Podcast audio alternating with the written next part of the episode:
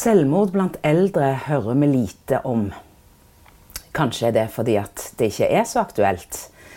Det skal dere få høre mer om om litt. Jeg heter Gudrun Austad, er psykiatrisk sykepleier, har jobba lenge på RVTS Vest og jobber nå i Stavanger kommune. Og jeg skal snakke om selvmord blant eldre. Gjennom jobben har jeg møtt mange ansatte i eldresektoren. Og de sier alle sammen at de har lite internundervisning om temaet eldre og selvmord. Kanskje det ikke er så mye selvmordsfare i eldresektoren. Her er min plan for dette foredraget. Ehm, jeg skal snakke om hva vet vi om eldre og selvmord. Litt om holdninger til eldres selvmord. Og sist, men ikke minst, hva i all verden skal vi gjøre? Først skal vi se litt på tallene. Og før eh, jeg forklarer denne eh, plansjen her, så skal jeg si at de siste tallene vi har for gjennomførte selvmord i Norge, er fra 2020. Og totalt i 2020 ble det registrert 639 selvmord. Nå snakker jeg om alle aldersgrupper. 467 eh, av de var menn, og 172 av de var kvinner. Men i aldersgruppen som vi snakker om nå, eh, fra 60 år og oppover, så ble det registrert 181 selvmord i 2020. Og det vil si at nesten en tredjedel av de registrerte selvmordene var gjort av det vi kaller eldre personer. Og ser vi på antall døde Nå sa jeg i underkant av en tredjedel i 2020. Så topper ikke de eldre statistikken. Men hvis vi i stedet ser på antall døde per 100 000 innbyggere, altså selvmordsrate, så har de eldste mennene høyest rate. Figuren her viser antall selvmord per 100 000 innbyggere fordelt på kjønn. De røde er kvinner, og de blå er menn. I årene 2014 til 2018. Og da vil dere se eh, tydeligst at det er forskjell på de røde og de blå. Det er en kjønnsforskjell. Det er flere menn som dør i selvmord i alle aldersgrupper. Bortsett fra de helt, helt yngste, fordi at der er det for få selvmord til at det kommer opp som søyler per 100 000. Eh, og hvorfor er det flere menn som dør i selvmord? Det kan ha med valg av selvmordsmetode å gjøre. Det kan ha med at med hjelpsøkingsatferd å gjøre. At kvinner i større grad søker hjelp enn menn. Ildrid Kjølseth, eh, Norges faktisk eneste med doktorgrad om eldre og selvmord, hun sier òg at det antagelig er mange mørketall i de eldste aldersgruppene. Det gjøres færre obduksjoner, og dødsfall blir antatt å være naturlig hos eldre pga. alderen. Og at de eh, feiler mer. Somatiske sykdommer. Og kanskje tenker en ikke at det er så underlig at en eldre person dør litt uventa. Så det var tallene. Men hvorfor tar eldre mennesker livet sitt? Årsaksforholdene er komplekse når det gjelder selvmord. Det gjelder selvfølgelig òg for eldre. Men én måte å nærme seg dette på, er å se på risikofaktorer. Risikofaktor, altså en statistisk forhøya sannsynlighet for, i dette tilfellet, selvmord. I 2020 eh, så fikk vi en ny handlingsplan mot selvmord regjeringen, regjeringens handlingsplan. Og i den, eller i vedlegget til den, Der står det at Folkehelseinstituttet har gjort en oppsummering av kunnskap om selvmord hos eldre og hos menn. Og denne kunnskapsoppsummeringen, eh, sammen med selvfølgelig mye annen forskning, viser at psykiske lidelser er en viktig risikofaktor for selvmord. Både for kvinner og menn. Og depresjon er en risikofaktor hos begge kjønn. Men alle selvmordsutsatte eldre er jo ikke deprimerte. Men noen er det. Og det å ha en samtidig psykisk lidelse og en rus- slash alkohollidelse øker selvmordsrisikoen ytterligere. Og så har menn høyere forekomst av ruslidelser. Noe som igjen er en risikofaktor for selvmord. Eh, når det gjelder demens i tidlig fase og selvmord, så er det litt forskning på det, men den er litt motstridende. Men jeg, jeg tror trygt en kan si at det er klinisk grunnlag for å si at demens i tidlig fase er en risikofaktor for selvmord. Det å ha gjort et selvmordsforsøk tidligere er i hvert fall en risikofaktor. Både for eldre og for yngre. Så derfor kan det være lurt når en har en eldre person i behandling, å spørre har du prøvd å ta livet ditt tidligere. Og det kan også kanskje ligge, Et sånt selvmordsforsøk kan ligge langt tilbake i tid. Ja. Eh, og sosial isolasjon er en risikofaktor. Mange eldre blir sosialt isolert. I pandemiperioden så har vi jo blitt det alle sammen. Og når jeg sier sosial isolasjon, så er det den opplevde ensomheten hos hver enkelt jeg snakker om. Og kanskje det å mangle en fortrolig person som en kan dele de vonde tingene med. En annen risikofaktor er kriser og relasjonsproblemer. Det kan være familiekonflikter, det kan være stressende livshendelser, som samlivsbrudd eller bli pensjonist. Og disse livskrisene eh, finner forskerne at øker selvmordsrisikoen mer hos menn eldre menn enn hos eldre kvinner. Og sammenhengen mellom det å være i et parforhold og selvmord er sterkere for eldre menn enn eldre kvinner. Så tap av partner når konen dør, så klarer mannen seg dårligere enn hvis mannen dør. Da klarer konen seg bedre. Somatisk sykdom er òg en risikofaktor. og Mange eldre får jo sykdommer. Og dette slår òg hardere ut hos mennene. Og en være, bør være spesielt obs på sykdommer som medfører funksjonssvikt. F.eks. sansesvikt, nevrologiske sykdommer, urogenitale sykdommer, lungesykdommer, kroniske smerter osv. Men det å få en svekka funksjon kan være en risiko som på gruppenivå øker sannsynligheten for selvmord. Og så er jo det å være en eldre mann en risikofaktor i seg sjøl. Traumer, eller barndomstraumer, er òg en viktig risikofaktor for selvmord. Uh, igjen særlig hos menn.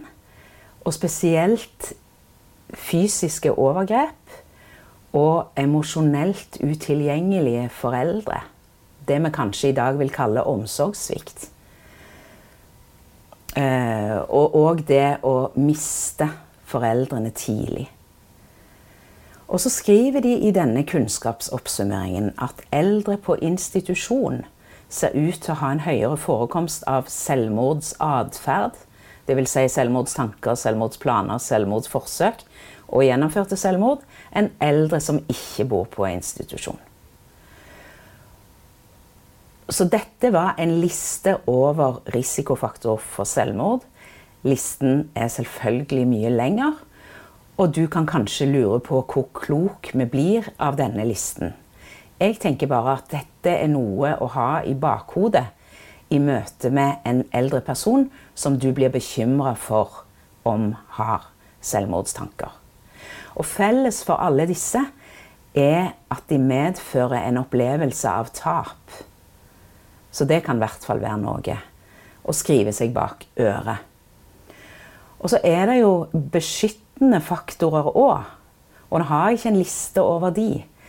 Men beskyttende faktorer, altså som, som senker risikoen for selvmord, er jo å oppleve livet som meningsfylt, føle tilhørighet og ha noen rundt seg.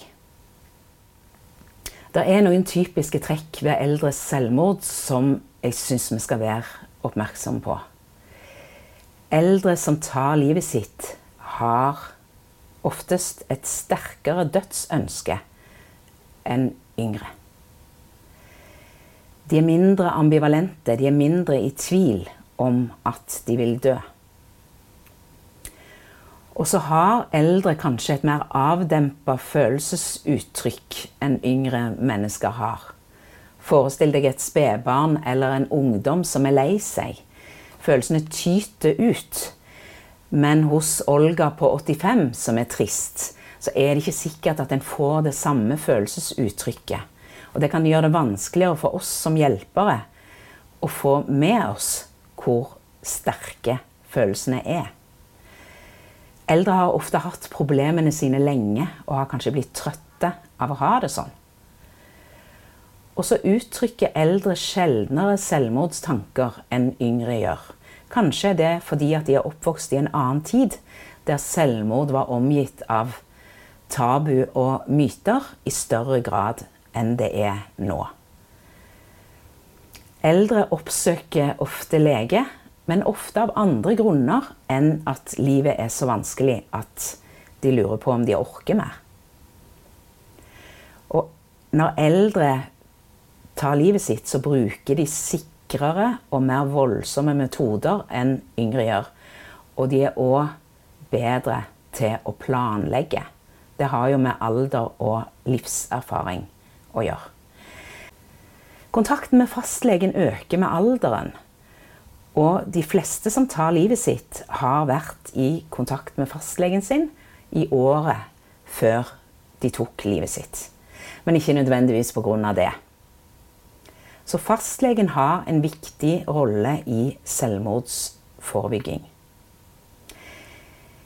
I Ildrid Kjølseths doktorgradsstudie av 23 gjennomførte selvmord hos eldre over 65 fant hun at 60% av de døde hadde varsla noen om selvmordet forut for at de gjorde det. Og når jeg sier varsel, så eh, mente hun true med selvmord, leite etter selvmordsmidler, måter å ta livet sitt på. Piller, våpen og sånn. Snakke om eller skrive om død eller selvmord. Og varslene gikk til familiemedlemmer, hjemmesykepleiere og fastleger. Men varslene førte ikke til tiltak. Det ble ikke gjort noe med dem. Og hvorfor det?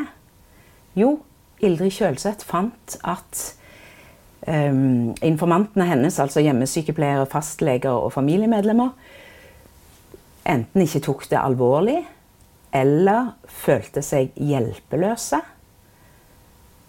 Eller var utmatta, de orka ikke forholde seg til det. Og at de aksepterte det.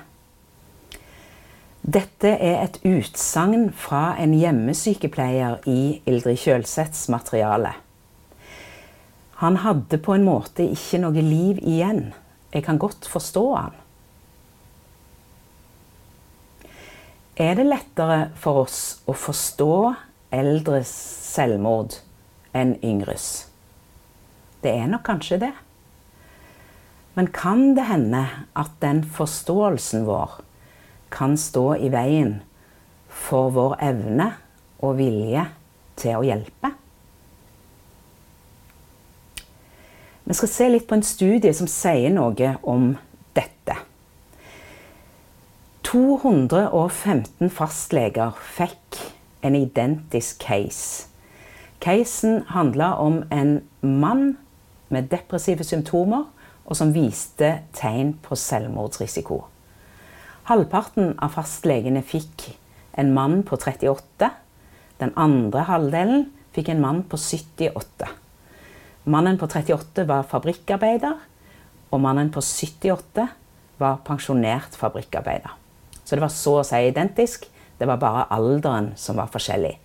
Og fastlegene ble av forskerne bedt om å ta stilling til er det depresjon her, er det selvmordsrisiko her, og òg hva slags behandling vil du gi til pasienten. Og når det gjaldt depresjon og selvmordsrisiko, så skårte alle fastlegene eh, positivt på det. Ja, denne mannen er deprimert. Ja, han er suicidal. På spørsmålet om han trengte behandling, så var de ikke, var de ikke samstemte lenger. Da sa de som hadde fått mannen på 38 år, ja, og foreslo behandlingsformer. Mens de som hadde fått 78-års-case, i mye mindre grad skåra at eh, mannen trengte behandling. Så disse forskerne viste at leger vil yte en langt mer aktiv behandling til yngre med depressive symptomer og selvmordsrisiko enn til eldre med samme symptombilde. Og som dere ser, så er denne studien fra år 2000 og ganske gammel. Men jeg har ikke funnet at den er blitt replikert, så det ville jo vært interessant. Så er det sånn at vi som helsepersonell ser på depresjon og suicidalitet som normale aldringsfenomener. Ja, kanskje det. Så eh, Handlingsplanen for forebygging av selvmord 2020 vil ha forebyggende hjemmebesøk for eldre, flere obduksjoner av eldre, og at en skal følge opp den kunnskapsoppsummeringen som FHI har lagt. Hvis vi ser tilbake på den forrige handlingsplanen for forebygging av selvmord, som gikk fra 2014 til 2017, så var det kun ett tiltak som var retta mot eldre, og det var støtte til aktivitetssentre hos eldre. Så dette er jo altså tre tiltak mot ett i forrige handlingsplan. Hva skal vi gjøre da, bortsett fra det som står i de tre tiltakene? Jo, vi skal i hvert fall snakke med den eldre vi er bekymra for. Og i Selvskading og selvmord veiledende materiell for kommunen om forebygging står det Identifiser.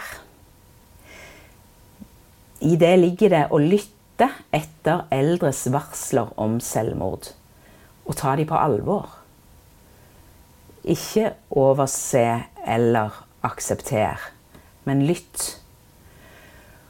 Og så står det at vi skal kartlegge, og i kartlegging ligger det å spørre. Og da skal vi spørre den eldre vi er bekymra for. Har du det så vondt at du tenker på å ta ditt eget liv. Så konkret skal det være. Og et direkte spørsmål gir ofte et direkte svar. Og alle som jobber med eldre, kan gjøre dette. Altså spør direkte.